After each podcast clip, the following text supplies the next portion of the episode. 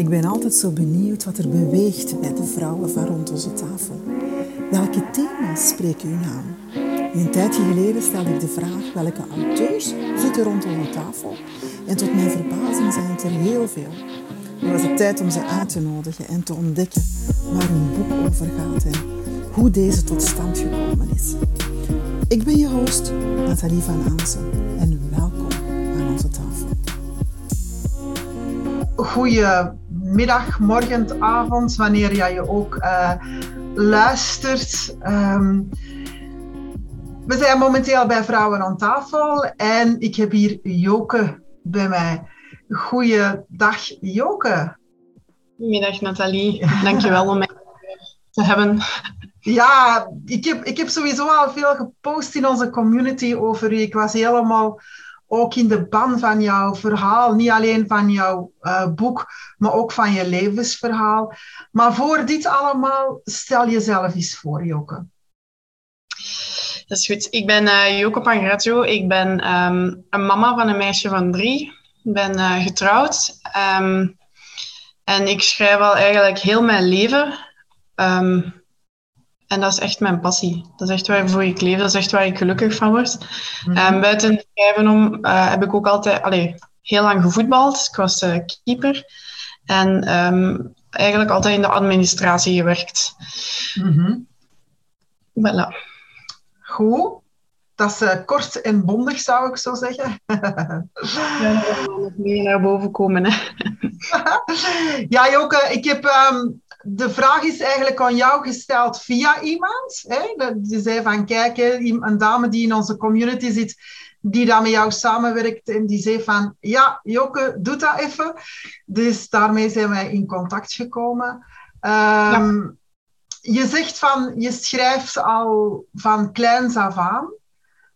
Um, moet ik me dan voorstellen, gedichten, want ik weet dat ik zelf als ik klein was gedichten schreef. Hoe, hoe is het bij jou tot stand gekomen en wat schreef je? Bij mij is het eigenlijk begonnen met zo hele kleine, korte verhaaltjes. Um, echt vanaf dat ik kon schrijven, echt stomme kleine verhaaltjes. En dan is het eigenlijk meer in de richting van avonturen gegaan. En mm -hmm. um, ja, groepen vrienden die van alles beleefden en die allemaal gekke dingen uitstaken. En dan uh, is er wel inderdaad een moment gekomen dat ik meer ben overgeschakeld naar gedichten en um, liedjesteksten. Mm. Dat ik merkte dat ik daar beter mijn emoties in kwijt kon als in een verhaal. Mm. Um, dus ik heb eigenlijk altijd, als ik liedjesteksten schreef, ging dat altijd over um, zelfvertrouwen vinden, over um, hoe ik mij voelde. ja, ik, in, in, liedjes kon ik dat wel kwijt. En eigenlijk in, in gedichten ook. Mm-hmm. En dan denk ik, ja, was ik twaalf, als het idee kwam van de strijders van Katacht. Toen, als ik twaalf was, noemde nog de strijders van Virawerfia. Dat was de oorspronkelijke naam. Dat gaat dus over het boek waar we nu eigenlijk ja. over gaan praten, onder andere. Hè? Ja, ja, klopt. Dus dat heb ik geschreven als ik twaalf was, het oorspronkelijke verhaal. Mm -hmm. En dan is dat eigenlijk... Um, dat heb ik ineens afgeschreven. Ik denk dat ik er een jaartje over gedaan heb. Dat was 56 A4-pagina's. En dan is dat blijven liggen tot als ik... Uh, 20 was en dan ben ik afgestudeerd als schoonheidsspecialiste en dan had ik een paar maanden eigenlijk um, omdat ik nog jobstudent ging doen, dat ik nog een paar maanden tijd had en ik dacht van, ik vind dat eigenlijk wel een goed verhaal, een beetje kinderlijk geschreven. En dan ben ik dat helemaal gaan aanpakken. Dus, en dan sinds mijn twintigste ben ik er eigenlijk actief mee bezig geweest tot nu. Ja, wat was nu de aanleiding tot het schrijven? De ik, ik heb het nooit beseft, maar we hebben het er eventjes over gehad in ons gesprek samen, um, ons inleidend gesprek, en dan ben ik er wel eigenlijk dieper over gaan nadenken. Mm -hmm. um, dat ik dat wel, vooral nu, ik weet niet of dat, dat vroeger, eigenlijk was dat vroeger ook zo, want dan deed ik dat met die liedjes en die gedichten, um, maar ik vlucht er wel een beetje in als ik mij slecht voel. En ik weet als ik mij, als ik mij slecht voel, dat ik sneller naar dat, dat schrijven grijp, omdat dat mij gelukkig maakt en dat dat een afleiding is.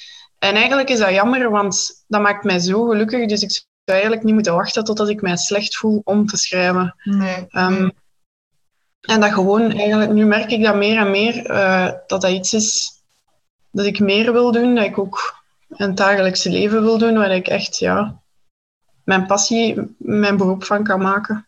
Ja, we merken dat ook, ook wel als in therapie. Hè. Ik als coach, ik, ik zeg dat ook heel dikwijls van schrijf dat van u af. Hè. Mensen die heel slecht kunnen slapen omdat ze met van alles in hun hoofd zitten, schrijf dat op. Hè. Dan zijn het ook kwijt. Ehm, nu, is dat bij u dan ook zo gegaan? Uh, ja, want um, ik merkte dat mijn beste vriendin en ik, wij deden dat ook heel veel naar elkaar was. Hoewel dat wij elkaar elke dag zagen, schreven wij e-mails naar elkaar, schreven wij brieven naar elkaar, waar dat wij mm emoties eigenlijk, en dat we dat beter konden plaatsen. En ik ben wel iemand die heel uh, snel gaat analyseren en alles gaat um, doornemen. Um, ik heb ook een tijdje um, bij een psycholoog geweest. Ik, uh, ik schaam mm mij daar niet over. Dat heeft mij beter geholpen om eigenlijk mijn eigen gevoelens te begrijpen, omdat het soms echt wel een chaos is in mijn hoofd. En ja, ik voel veel, ik denk veel. Ik heb dat ook als, als we bijvoorbeeld, um, er moet heel veel gebeuren, of op het werk of zo, ik maak altijd lijstjes. Ik schrijf mhm. alles op om, om, die rust in mijn hoofd te bewaren. En ik denk dat dat inderdaad wel, zonder dat ik het zelf door had, een, een, een gouden draad eigenlijk in mijn leven is, is dat, dat ik rust vind door te schrijven. Mm -hmm, Ja, dat is ja, rust vinden. Het is een hele goede waar je eh, zeker ik ook de luisteraars wil meegeven. Ik zei het er net al, eh, ik zeg dat in mijn coaching ook. Maar dat heeft jou wel geholpen om die rust uh, te krijgen, begrijp ik. Hè? Ja, nu, het verhaal zelf dat jij uh, schrijft, ik was ook heel enthousiast, want het ging over de fantasiewereld. Dat vind ik fantastisch. Hè? Is iets anders rond onze tafel eigenlijk. Hoe kom je op het idee om net in die genre um, iets te schrijven? Um, ik ben, ik ben een heel gevoelig persoon. Um, dus als ik uh, boeken lees die um, waar gebeurd zijn. Dus ik weet in mijn mm -hmm. jeugd uh, een paar keer Dirk Bakker gelezen. Um, ja. de, de, het boek van uh, dat meisje van, van, dat ontvoerd was door Marc Dutroux. Ja. ik heb een heel visueel... ik weet niet hoe ik dat moet zeggen. Ik visualiseer mij alles heel ja, erg. Dus, een beelddenker eigenlijk. Ja. Dus als ik mhm. lees, dan is dat precies of ik ben daarbij. Ik voel dat ook. Dus dat zijn boeken dat ik eigenlijk vermijd, omdat ik loop daar echt meer weken ja. mee rond. mijn man heeft mij zo ook verboden om nog naar die programma's te kijken van um, de kroongetuigen, omdat ik daar echt ja. zo helemaal van, van mijn sukkel van was, van dat dat daar ging gebeuren. En ik nam dat echt mee. En hij zegt dat ook continu, want ik, op Facebook kom je dan zo altijd dingen tegen en dan zit ik daar naar te kijken en ik weet eigenlijk niet waarom.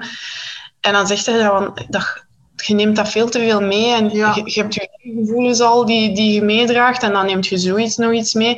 En in fantasy, dat is geen realiteit en dan raakt dat ook iets minder, maar daar kun je ook je kunt er alles mee doen. Hè. Dat is een magische wereld. En ik heb er dan 100% de controle over. Dus ja. ik vind dat fantastisch. Ja, dat vooral, hè, die controle uh, erover. Hè. Nu, wat ik, wat ik opmerk is dat, dat jij heel veel energieën van buitenaf uh, tot u neemt. Hè, en dat daar wel echt die emotie erin gaat. Um, ga je dan eigenlijk schrijven, want je zegt zelf van ik, ik schrijf ook liedjes. Hè. Ga je dan de, de emotie uh, die dat je ervaart door iets te kijken in je boek of, of in je teksten verwerken? Um, dat denk ik niet. Ik denk niet dat ik echt die, die, die andere. Um, want ik probeer dat eigenlijk zo snel mogelijk van mezelf af te zetten, omdat dat die mhm. negatieve emoties zijn. En negatieve emoties zijn nu eenmaal emoties die veel langer blijven hangen als positieve emoties. Um, ja. En ik probeer mij daar wel een beetje afstand van te nemen, omdat, dat, omdat ik merkte dat dat dat ik dat nodig had. Ik heb ook door, dankzij die psycholoog uh, ontdekt dat ik um, uh, high sensitive ben. Mm -hmm. Dus dat, uh, dat ik emoties dan die anderen voel die ik 100% sterker of 20% sterker of allee, veel sterker als iemand anders voel. En dan ja. is dat voor mij ook moeilijker om die te verwerken. Um, als ik dan mijn man als voorbeeld neem, die is tegenovergestelde van mij. Als er iets gebeurt, die kan dat direct counteren en die zet dat ja. van zich af. En, en zelf als, ik, als we dan samen iets meemaken of zo, en dan ben ik daar niet goed van, en dan zegt hij zo van, wat scheelt er? En die is dat al vergeten. Dat is van, dat, dat, dat is juist gebeurd en nu, die is al vergeten. Dus uh, gelukkig denk ik dat onze dochter een beetje een combinatie van ons twee is. ja, inderdaad bepaalde energieën oppakken en iets wat er gebeurt. En nu de toestanden die er momenteel zijn, dat is wel heel uh, heftig natuurlijk. Um, ja. Jouw boek, vertel eens iets meer over jouw boek. Over wat gaat dat? Het is oorspronkelijk gestart als een... Uh, het hoofdpersonage uh, noemt Mervilla, dat is een elf. Mm um, die woont in een verborgen dorpje Um, met andere wezens dan, dan zichzelf. En dat zijn uh, picolas genaamd. Het zijn hele kleine wezentjes uh, die magie beheersen en zij is daarbij opgegroeid. Mm Dus haar papa heeft haar daar gebracht um, om haar te beschermen, omdat er van alles aan het, aan het gebeuren was in de wereld. En hij zegt van, ik ga u hier eventjes brengen. Allee, zoals maar één. Maar ik ga u hier eventjes brengen ter bescherming en ik kom je halen. Maar hij is nooit komen halen. Dus er komt een punt dat Mervilla uh, volwassen is en dat ze denkt van, ik ga niet blijven wachten tot er iemand mij gaat komen halen. Ik ga zelf op onderzoek. En zij verlaat dat dorp dan en dan is dat een heel avontuur, want ja, zij weet niet naar waar dat ze moet. Ze heeft maar een vage indicatie van daar moet mijn, mijn, de stad waar, zijn van mijn ouders en daar moet ik mijn ouders kunnen vinden, maar ze weet niet precies waar het is. En blijkt dat dat ook een verborgen stad is. Dus dat maakt het nog eens moeilijker. Mm um, en dat is eigenlijk het hele avontuur, is zij die op zoek gaat um, naar haar familie, naar die stad, naar antwoorden. Um, maar ook, ja, zij is dat niet gewoon om in de echte wereld te leven, omdat ze altijd verborgen geleefd heeft. En zij heeft ook nooit echt vrienden gehad, omdat die, die picolas, dat, was, dat waren niet dezelfde wezens als haar, dus dat klikte niet zo goed. Dus daarom dat ik het ook een heel fijn verhaal vind, persoonlijk is omdat er ook heel veel emoties um, aankomen, heel veel vriendschap, heel veel waarom doe ik dit, waarom doe ik dat. Er is ook een personage die heel veel uh, angstaanvallen heeft.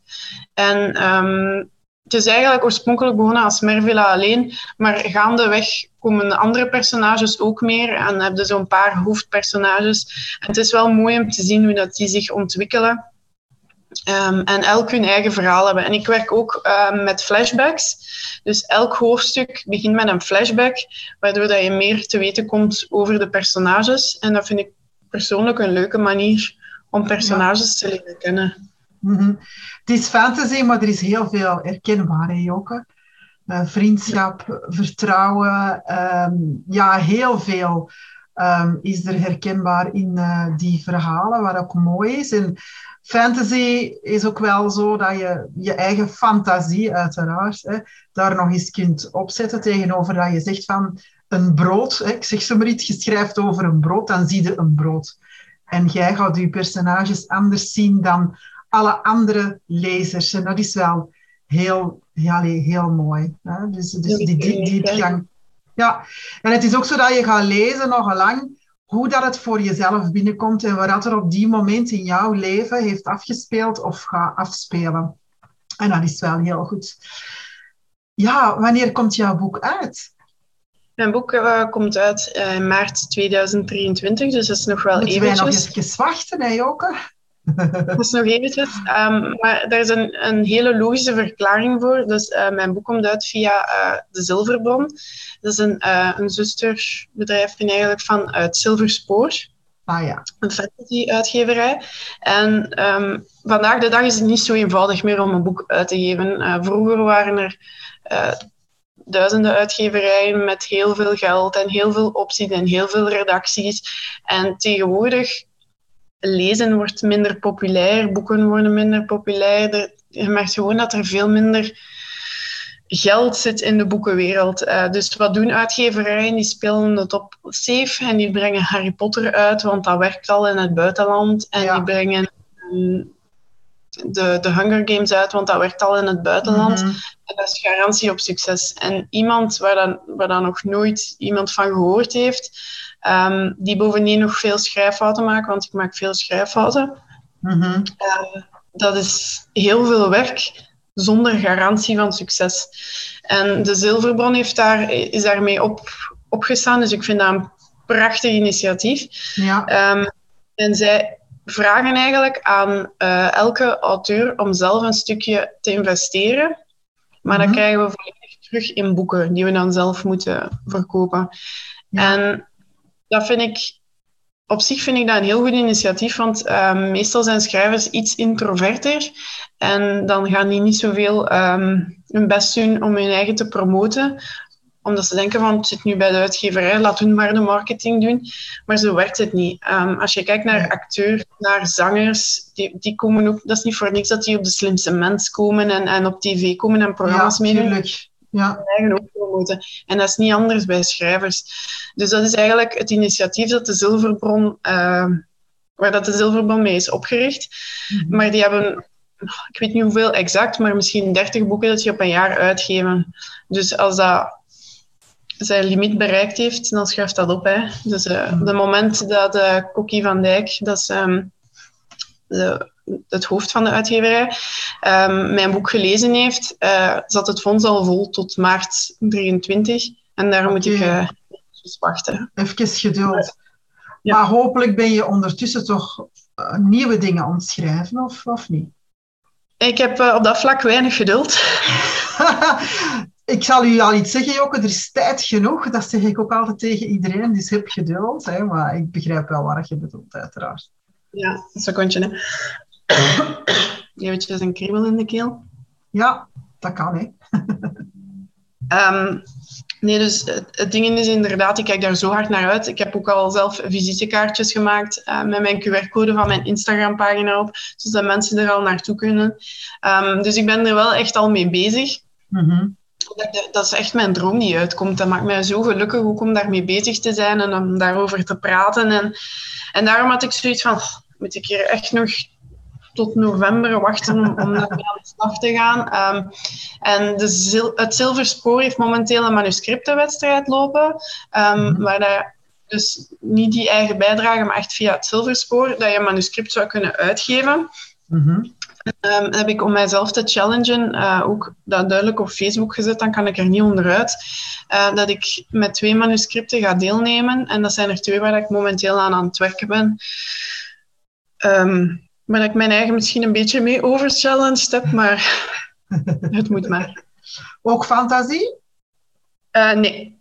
ja, een deeltje, en, maar niet totaal iets anders dan, dan Strijders van Kata. Echt. Um, het eerste verhaal is een beetje een thriller. Maar er komt wel een stukje uh, fantasy in, dus het is niet helemaal realistisch. Mm -hmm. um, het gaat dus over een meisje die haar ouders verloren is in een auto-ongeluk en haar broer heeft uh, zelfmoord gepleegd. Um, terwijl dat hij in een instelling zat om aan zichzelf te werken. En zij gelooft dat niet. Zij gelooft niet dat hij zelfmoord gepleegd heeft, omdat hij zelf gekozen heeft om zich te laten opnemen, omdat hij beter wou worden voor haar.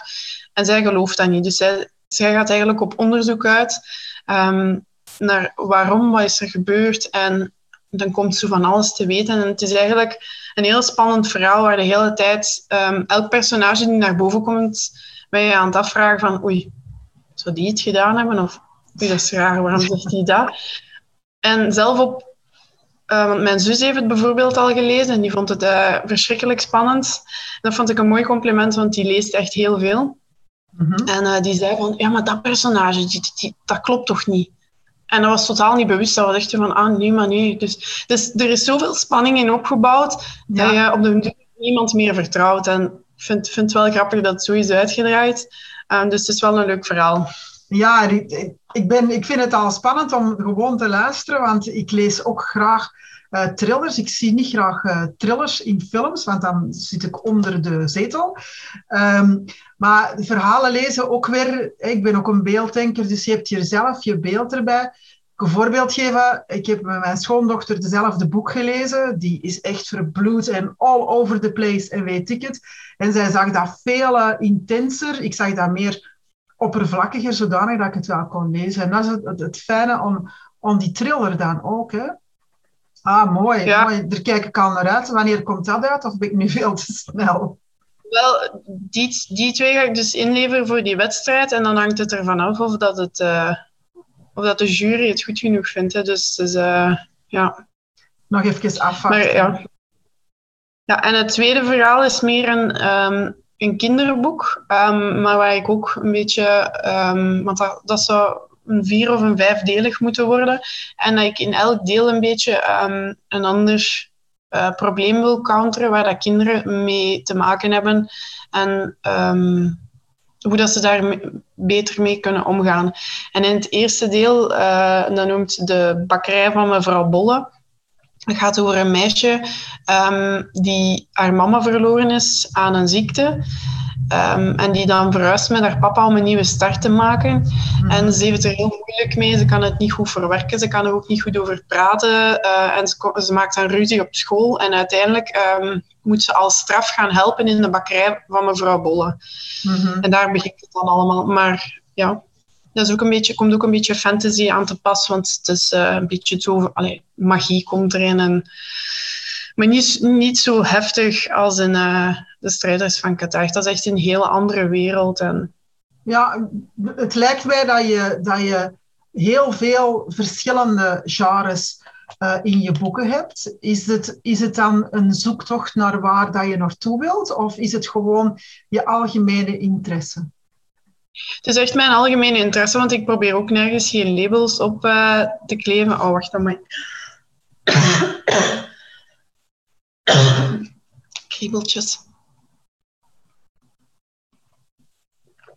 Ik ben iemand die gewoon altijd doet waar dat ze zin in heeft. Heb ik zin om te voetballen, dan ga ik voetballen. Ik ben zot van Harry Potter en dan kijk ik naar Harry Potter. Ik ben zot van Disney, dan ga ik naar Disneyland. Dus ik, heb, ik ben geen stereotype. Ik ben van alles een beetje. En dan vaak ook dat mensen zoiets zeggen van, ah, eh, heb jij een boek geschreven? Nou, dat had ik niet verwacht van jou. Ja, ja. En dan zeker niet als ik zeg welk, welk genre. Dus ik doe gewoon wat ik voel op dat moment. En waar ik dan denk van, nou, daar heb ik zin in om dat te schrijven. Of met dat ideetje loop ik. Uh, want ik zou, ik zou het ook heel leuk vinden, moest ik uh, scripts kunnen schrijven voor films. Oké. Okay. Uh, dus dat zou misschien, eh, zou ik daar nog een opleiding voor willen volgen voor script schrijven, want dat is iets helemaal anders. Mm -hmm. um, dus ja, ik, ik zeg het, ik doe gewoon wat ik voel op dat moment. Um, en wat mij op dat moment aanspreekt. En dat moet ook, want anders vloeit het niet. Nee, bij u niet. Nee, je kunt niet zeggen, zo, die, die niche wil, wil ik naar uit. Uh, en dat is niet de bedoeling. Eigenlijk ben je dan een multipotentialite, noemen we dat. Dat is een beetje van alle... Ja, mooie woord, hè, vind je dat niet? Multipotentialite. Ja, dat is eigenlijk dat je... Je interesseveld is heel breed en je doet het dan ook. He, je kunt interesse hebben, maar echt een, een, een doender. Ik ben dat ook. Ik doe ook veel, veel dingen en allemaal alleen maar leuke dingen. Dus dat is heel mooi dat je dat toch al ziet op jouw leeftijd. Uh, gewoon doen waar je goesting in hebt. Voilà. Heel simpel. Hè? En uh, het is niet voor iedereen evident natuurlijk, maar dat je dat al kan zeggen op jouw leeftijd, dat is heel, dat is heel knap uh, van je. Dankjewel. nu, ja, die boeken die gaan uitkomen. Het is spannend. Ik ben ook blij dat je hier in de podcast um, ook bij me zit en dat we jou ontdekt hebben bij onze vrouwen aan tafel. Um, we gaan nog heel veel van jou horen en ik hoop jou ook nog eens terug te zien in live, want dat is wel mooi. Um, verhalen vertellen. Um, het ligt wel heel nauw aan je hart. En als je ziet dat je dat op jonge leeftijd hebt ontwikkeld. Want het, het is wel zo. Hè? je, je, je kunt dan iets beginnen, maar ja, dan stopt. Ik weet dat met die gedichten schrijven, op een gegeven moment houdt dat op. Zit op een leeftijd en heb je andere interesses, hè? zoals jongens bijvoorbeeld. En dan, dan houdt dat op. Maar bij jou is dat gewoon blijven uh, doorvloeien. Nu, de inspiratie die je krijgt van die boeken uh, te gaan schrijven, zit die ergens, die inspiratie? Um, ik heb gewoon een hele levendige fantasie. Um, ik droom ook enorm veel, dus dat kan ook soms mm. dat ik wakker word. Dat ik denk van, wauw, wat was dat? En dan schrijf ik, schrijf ik dat op. Maar ja, het, het, is gewoon... Soms zit ik te brainstormen en dan denk ik van, oh, dat zou een tof idee zijn voor een verhaal. En oh, dat zou leuk zijn, dan schrijf ik dat op. En dan denk ik van, later misschien, als ik tijd heb, kan ik daar eens aan beginnen. Um, dus ik haal het niet echt uit het dagelijkse leven. Het, is, het zit gewoon eigenlijk allemaal in mijn hoofd. Daarom dat mijn uh, slagzin op Instagram is ook um, my mind is uh, the closet of my mind is not big enough for the stories that are untold. Dus, um, Mooi. Dus, zoveel in mijn hoofd. Er is nog zoveel dat kan komen. Um, Het enige wat ik nodig heb is iemand dat in mij gelooft. En een, uh, ik denk dat je dat ondertussen al hebt gecreëerd. Hè? Ik zie nu, hè, we zitten ook live in onze community en ik zie dat we, dat we, zoveel, uh, dat we sowieso kijkers hebben. Ik denk dat er een heel groot geloof is, ook van de dame die dat, uh, jouw naam naar boven heeft, heeft, ge, heeft gebracht, uh, waar je nou mee samenwerkt. En dat is wel fijn, hè, het geloof in iemand. En dat is toch wat je nodig hebt. Hè? Ja, ik heb dat echt uh, enorm nodig. Um, ik ben iemand dat echt um, boven mijn grenzen gaat als ik omringd ben door positiviteit, um, maar ook omgekeerd door negativiteit.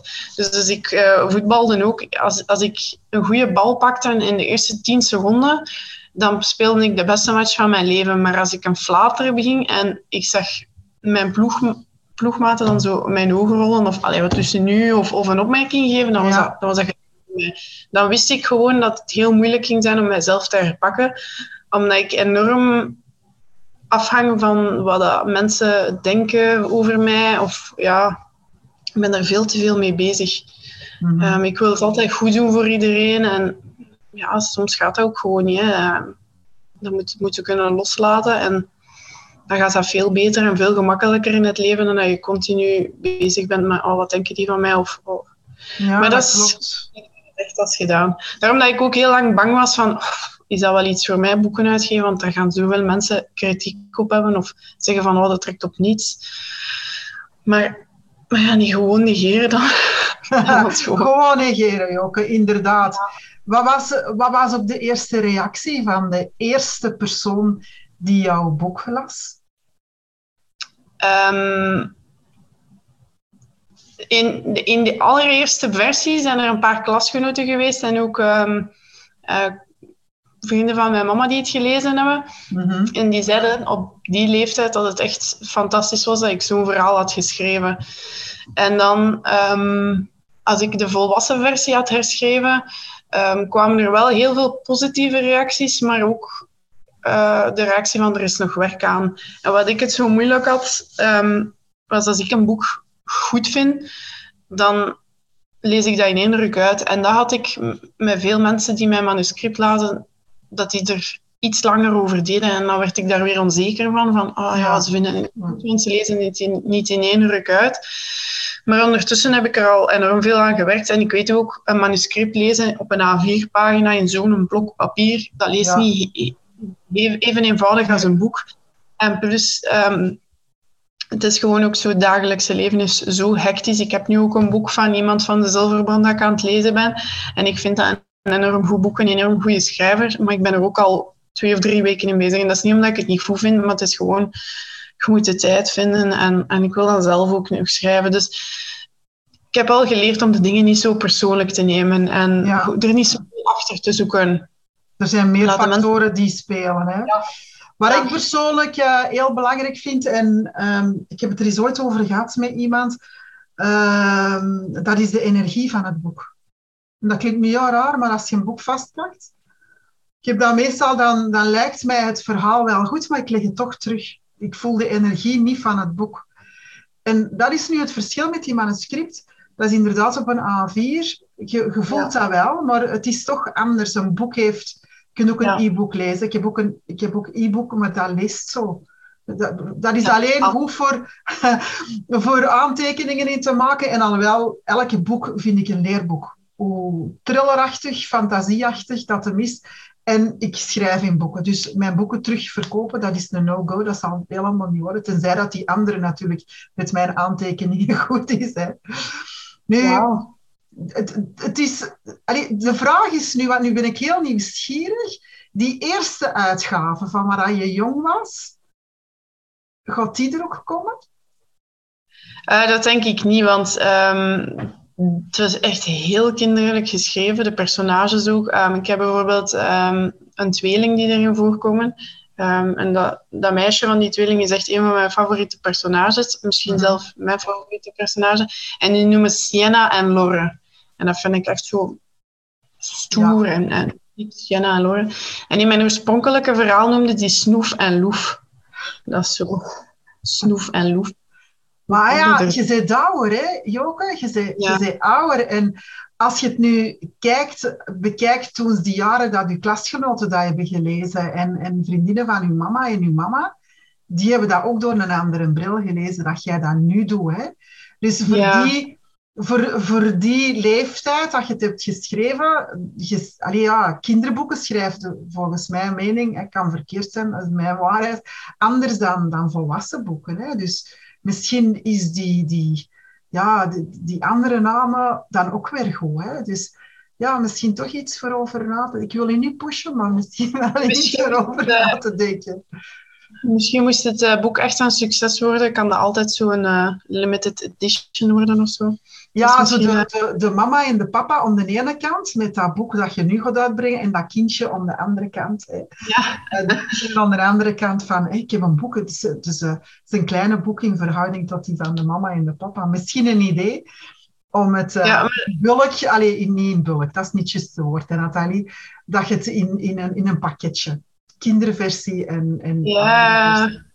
Ja, ik, heb ook, wel... zit ook heel veel in mijn hoofd en op deze moment denk ik dan aan hoe kan ik hier ook mee begeleiden en meehelpen om, om tot een succes te brengen. Hè? Dat is lief. Um, het, is, het is zeker iets dat ik meeneem. Ik heb er zelf ook al aan gedacht. Maar wat ik denk dat ook heel belangrijk is om mee te geven aan, uh, aan de mensen, is um, als je iets doet als kind, smijt dat niet weg. Want um, dat kan iets meer worden later. Als ik dat op 13-jarige leeftijd, als het af was, um, weggesmeten had, ja. dan had ik het nu niet. En nee. ik, heb, allee, ik vind het zelf echt een prachtig verhaal. Um, ook al zeg ik het over mezelf. Um, ik heb er echt vertrouwen in. Het heeft nog een klein beetje begeleiding nodig. We gaan er met de redactie uh, doorgaan en dan gaat dat nog beter worden.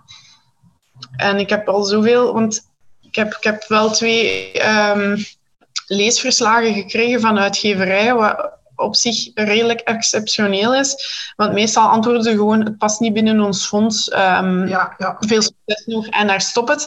Er zijn twee uitgeverijen die echt een uitgebreid leesverslag geschreven hebben en die echt zeiden van, het, is echt, het heeft echt potentieel, het zit er, maar het heeft nog die laatste duw nodig. Het heeft nog, maar dat, daarvoor heb je een redactie en die, die mensen hebben daar tonnen van ervaring um, mee. En die gaan me helpen om dat echt naar een beter niveau, nog naar het juiste niveau te brengen. Mm-hmm. En dan hoop ik dat, uh, dat de mensen die het lezen er evenveel van gaan genieten dan als ik ervan genoten heb om het te schrijven. Ja, ik weet het nog, een, um, een tijdje geleden hadden we hier uh, ook nog een auteur. Hè, uh, Brenda Kastelein, en die had het over een, uh, een schrijfcoach. Uh, is dat dan wat die mensen doen waar jij het nu over hebt? Nee, de, ja, een, een, voor een deel, maar wat dat de redactie doet, is die gaan echt intensief met u door het boek, um, van begin tot het einde, en die zeggen, dat moet anders. Dat zou ik anders verwoorden, dat zou ik eruit laten, daar zou ik nog wat dieper in gaan. En schrijfcoach gaat u meer begeleiden van, dat kan u helpen om zo te schrijven. Um, of probeer het eens zo, of wat denk je daarvan? Mm uh, maar de redactie gaat echt intensief met u door heel het verhaal, van, van het begin tot het einde. En ja, die filteren er alles mee uit eigenlijk. Hè. Ja, ja. Lijkt mij heel speciaal om dan... Je hebt dat neergeschreven, dat manuscript is er er gaat iemand zijn oordeel, want zo is het, en iemand die dat pro, professioneel is qua het uitbrengen van boeken. Um, heb je nu dan niet een beetje schrik, allee, schrik is niet juist het woord eigenlijk, dat, de, dat uw, uw, allee, uw woorden worden aangepast? Dat het, hoe, hoe gaat het ermee om? Um, dat denk ik niet, want ze laten heel veel in uw kamp. Um, ze gaan gewoon echt uh, zeggen van dat klopt grammaticaal niet. Of, um, nou ja, meer de grammatica. Dat woord bestaat niet. Maar ook gewoon, daar moet je dieper op in, maar ze gaan altijd alles bij u, ze gaan geen zinnen herschrijven. En, en, en, dat blijft uw verhaal eigenlijk. Um, En mhm. daarom geloof ik ook wel in de zilverban. Uh, Cookie van Dijk heeft zelf ook al heel veel boeken uitgebracht. Is een heel goede schrijfster, dus die weet wel waarover dat hij praat. En um, die, gaan me, die gaan me helpen, daar ben ik 100% van overtuigd. Um, en ik hoop gewoon dat het niet stopt bij dat ene boek. En ehm, dat, dat, dat, dat het ook uh, een succes wordt, want dat weet je ook nooit. Hè. kan dat dat boek uitkomt en uh, dat de helft van, van de eerste druk blijft liggen. Ik hoop van niet. Um, ja, maar daar, daar gaat je al niet van uit, hè, in overvloed nee, nee. denken en niet in tekorten. Ja, daar ga je al niet van uit. Want het klinkt hoe jij het vertelt en de manier waarop je vertelt. Als jij schrijft zoals jij hier um, het vertelt, dan gaan onze luisteraars ook wel zeker beseffen dat ze dat, dat boek echt moeten aanschaffen. Want um, het is, je kunt het heel goed uitleggen, dus je kunt het heel goed uh, neerschrijven. Je zei het er net uh, van de schrijvers, die zijn meestal introvert. Ik ben blij dat dat niet het geval is uh, met jou. Dus um, ja, mooi. Nu, um, je hebt al van alles laten vallen. Instagram bijvoorbeeld. Waar kunnen de luisteraars um, jou terugvinden? Hè? Volgers graag, hè Joke? Graag volgers. Heel graag, ja. mijn, um, mijn hoofdmarketing ligt nu inderdaad bij Instagram. Uh, dat is uh, writer Joke Pangrazio. Dus uh, writer in het Engels. En dan gewoon mijn voornaam en mijn achternaam. Alles aan -hmm. elkaar. -hmm. en daar wil ik ook graag mijn, mijn pad delen. Naar... Ja ja, mooi. Ja, dus, dus het eerste wat, wat dat er nu opgekomen is, is die onthulling dat mijn boek er kwam. En dan uh, een foto van mij met uh, Bar, um, Barry en Kokkie, dus de twee eigenaars van de Zilverban. Um, en dat is echt mijn bedoeling om zo'n beetje dat pad te delen van die ontwikkeling. Mm en dan dat de mensen ook kunnen volgen hoe dat, dat boek en dat verhaal groeit. En dan ja, ook wanneer het uitkomt, hè, dat de mensen dat daar ook een beetje kunnen op volgen. Um, en dan sprak ik ook over die visitekaartjes die ik gemaakt heb. Um, daar staat ook een unieke code op. Um, dus de mensen die die persoonlijk krijgen, de mensen kunnen mij ook een berichtje sturen, want ik zou graag zo'n visitekaartje hebben. Dat is geen probleem, dan stuur ik eentje op met de post. Daar staat een unieke code op. en dan de dag dat mijn boek gaat uitkomen, of een paar dagen later, daar ben ik nog niet uit, ga ik ook uh, een paar van die codes gaan iets winnen. Dus het is ook de bedoeling dat de mensen dat kaartje bijhouden. En misschien gaat hun code dan ook wel iets winnen. Mooi. Er zit al een uh, heel marketingplan achter. Uh, nog andere kanalen buiten Instagram en uw QR-code? Voorlopig is het echt vooral Instagram. Ja, Ik heb er een paar van opgericht op Facebook ook, maar ik ben er niet actief op. Dus het is echt vooral... Nee, dan loopt dat niet, hè? Nee, nee, nee. Ja. Goed. Um, we sluiten nu de podcast af. en We gaan zo meteen verder in onze groep. Ik zie dat we nog voldoende kijkers hebben, wat mooi is. Uh, ik hoop dat wij ook heel veel luisteraars hebben die dat jou gaan blijven volgen, Joke. Hè. Ik kijk er alvast naar uit. Ik ga dat zeker, zeker doen. Samen met al onze vrouwen rond onze tafel. Hè. Dus Joke, voor nu um, bedankt om aanwezig te zijn. En ik ben er dan ook zeker van dat we eigenlijk jou nog een paar keren gaan uitnodigen, want je gaat veel boeken schrijven. En uh, dat we zeker nog een paar podcasts gaan, uh, gaan opnemen. Dankjewel Joke om uh, hier aanwezig te zijn rond onze tafel. Jij ook bedankt Nathalie. Graag gedaan. Dag. Dag. Hoi, Nathalie hier even terug. Wil jij je aansluiten bij onze community Vrouwen aan tafel op Facebook? En de kracht voelen van verbinding? Vraag dan je lidmaatschap aan via onze groep Vrouwen aan tafel. Blogs en info vind je op de website vrouwenaantafel.com. Nog een fijne en inspirerende dag.